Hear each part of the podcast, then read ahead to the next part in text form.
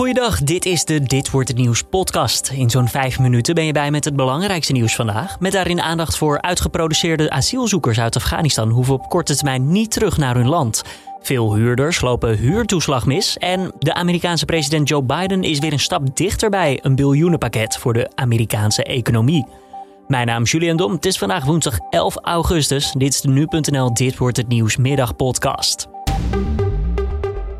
Uitgeprocedeerde Afghaanse asielzoekers worden in het komende half jaar niet gedwongen uitgezet naar Afghanistan. Coalitiepartijen CDA, D66 en de ChristenUnie drongen er deze week op aan om te stoppen met die uitzettingen. Sinds de terugtrekking van de internationale troepenmacht uit het land is de Taliban bezig aan een opmars en daardoor verslechtert de veiligheidssituatie in rap tempo. Het geweld laait op en de Taliban probeert steden over te nemen, meer dan eens met succes. Vluchtelingenwerk Nederland vindt dat het besluit om mensen niet terug te moeten sturen daarom ook definitief gemaakt moet worden. Dat is te horen bij Radio 1. Dus we hopen dat zij ook niet een half jaar nog hoeven te wachten op beleid op basis waarvan alle Afghanen straks in Nederland bescherming kunnen krijgen. Niets zou volgens hen op wijzen dat de situatie over een half jaar wel weer veilig is. Heb jij recht op huurtoeslag? Nou, een groot kans van wel, maar misschien ben je er zelf niet van op de hoogte. Volgens de Woonbond missen namelijk duizenden huishoudens nu die toeslag, terwijl ze er wel recht op hebben. Komt door nieuwe regels die vorig jaar zijn ingegaan. Daardoor kunnen zo'n 115.000 meer gezinnen daar nu aanspraak op maken. Nou, hoe kom je erachter? Bij de website van de Belastingdienst kan je een proefberekening maken. De Amerikaanse president Joe Biden is weer een stap dichter bij zijn plan om 3,5 biljoen dollar uit te geven aan een groot economisch steunpakket. Het ging nipt door de Senaat met 50 stemmen voor en 49 tegen. Het geld moet beschikbaar komen voor vier grote pijlers, namelijk families, klimaat, gezondheidszorg en infrastructuur. En bij die laatste moet je dan denken aan bruggen en wegen die al jaren toe zijn aan vernieuwing. Het plan zou ook nog eens vele banen moeten opleveren volgens Biden.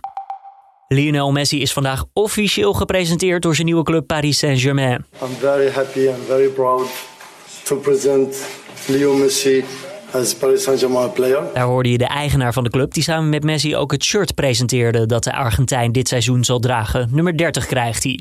Messi zelf sprak alleen Spaans, maar grapte nog wel eventjes dat hij niet alleen het verschil zal maken om de zo gewilde Champions League te winnen. Komt volgens hem ook een stukje geluk bij kijken.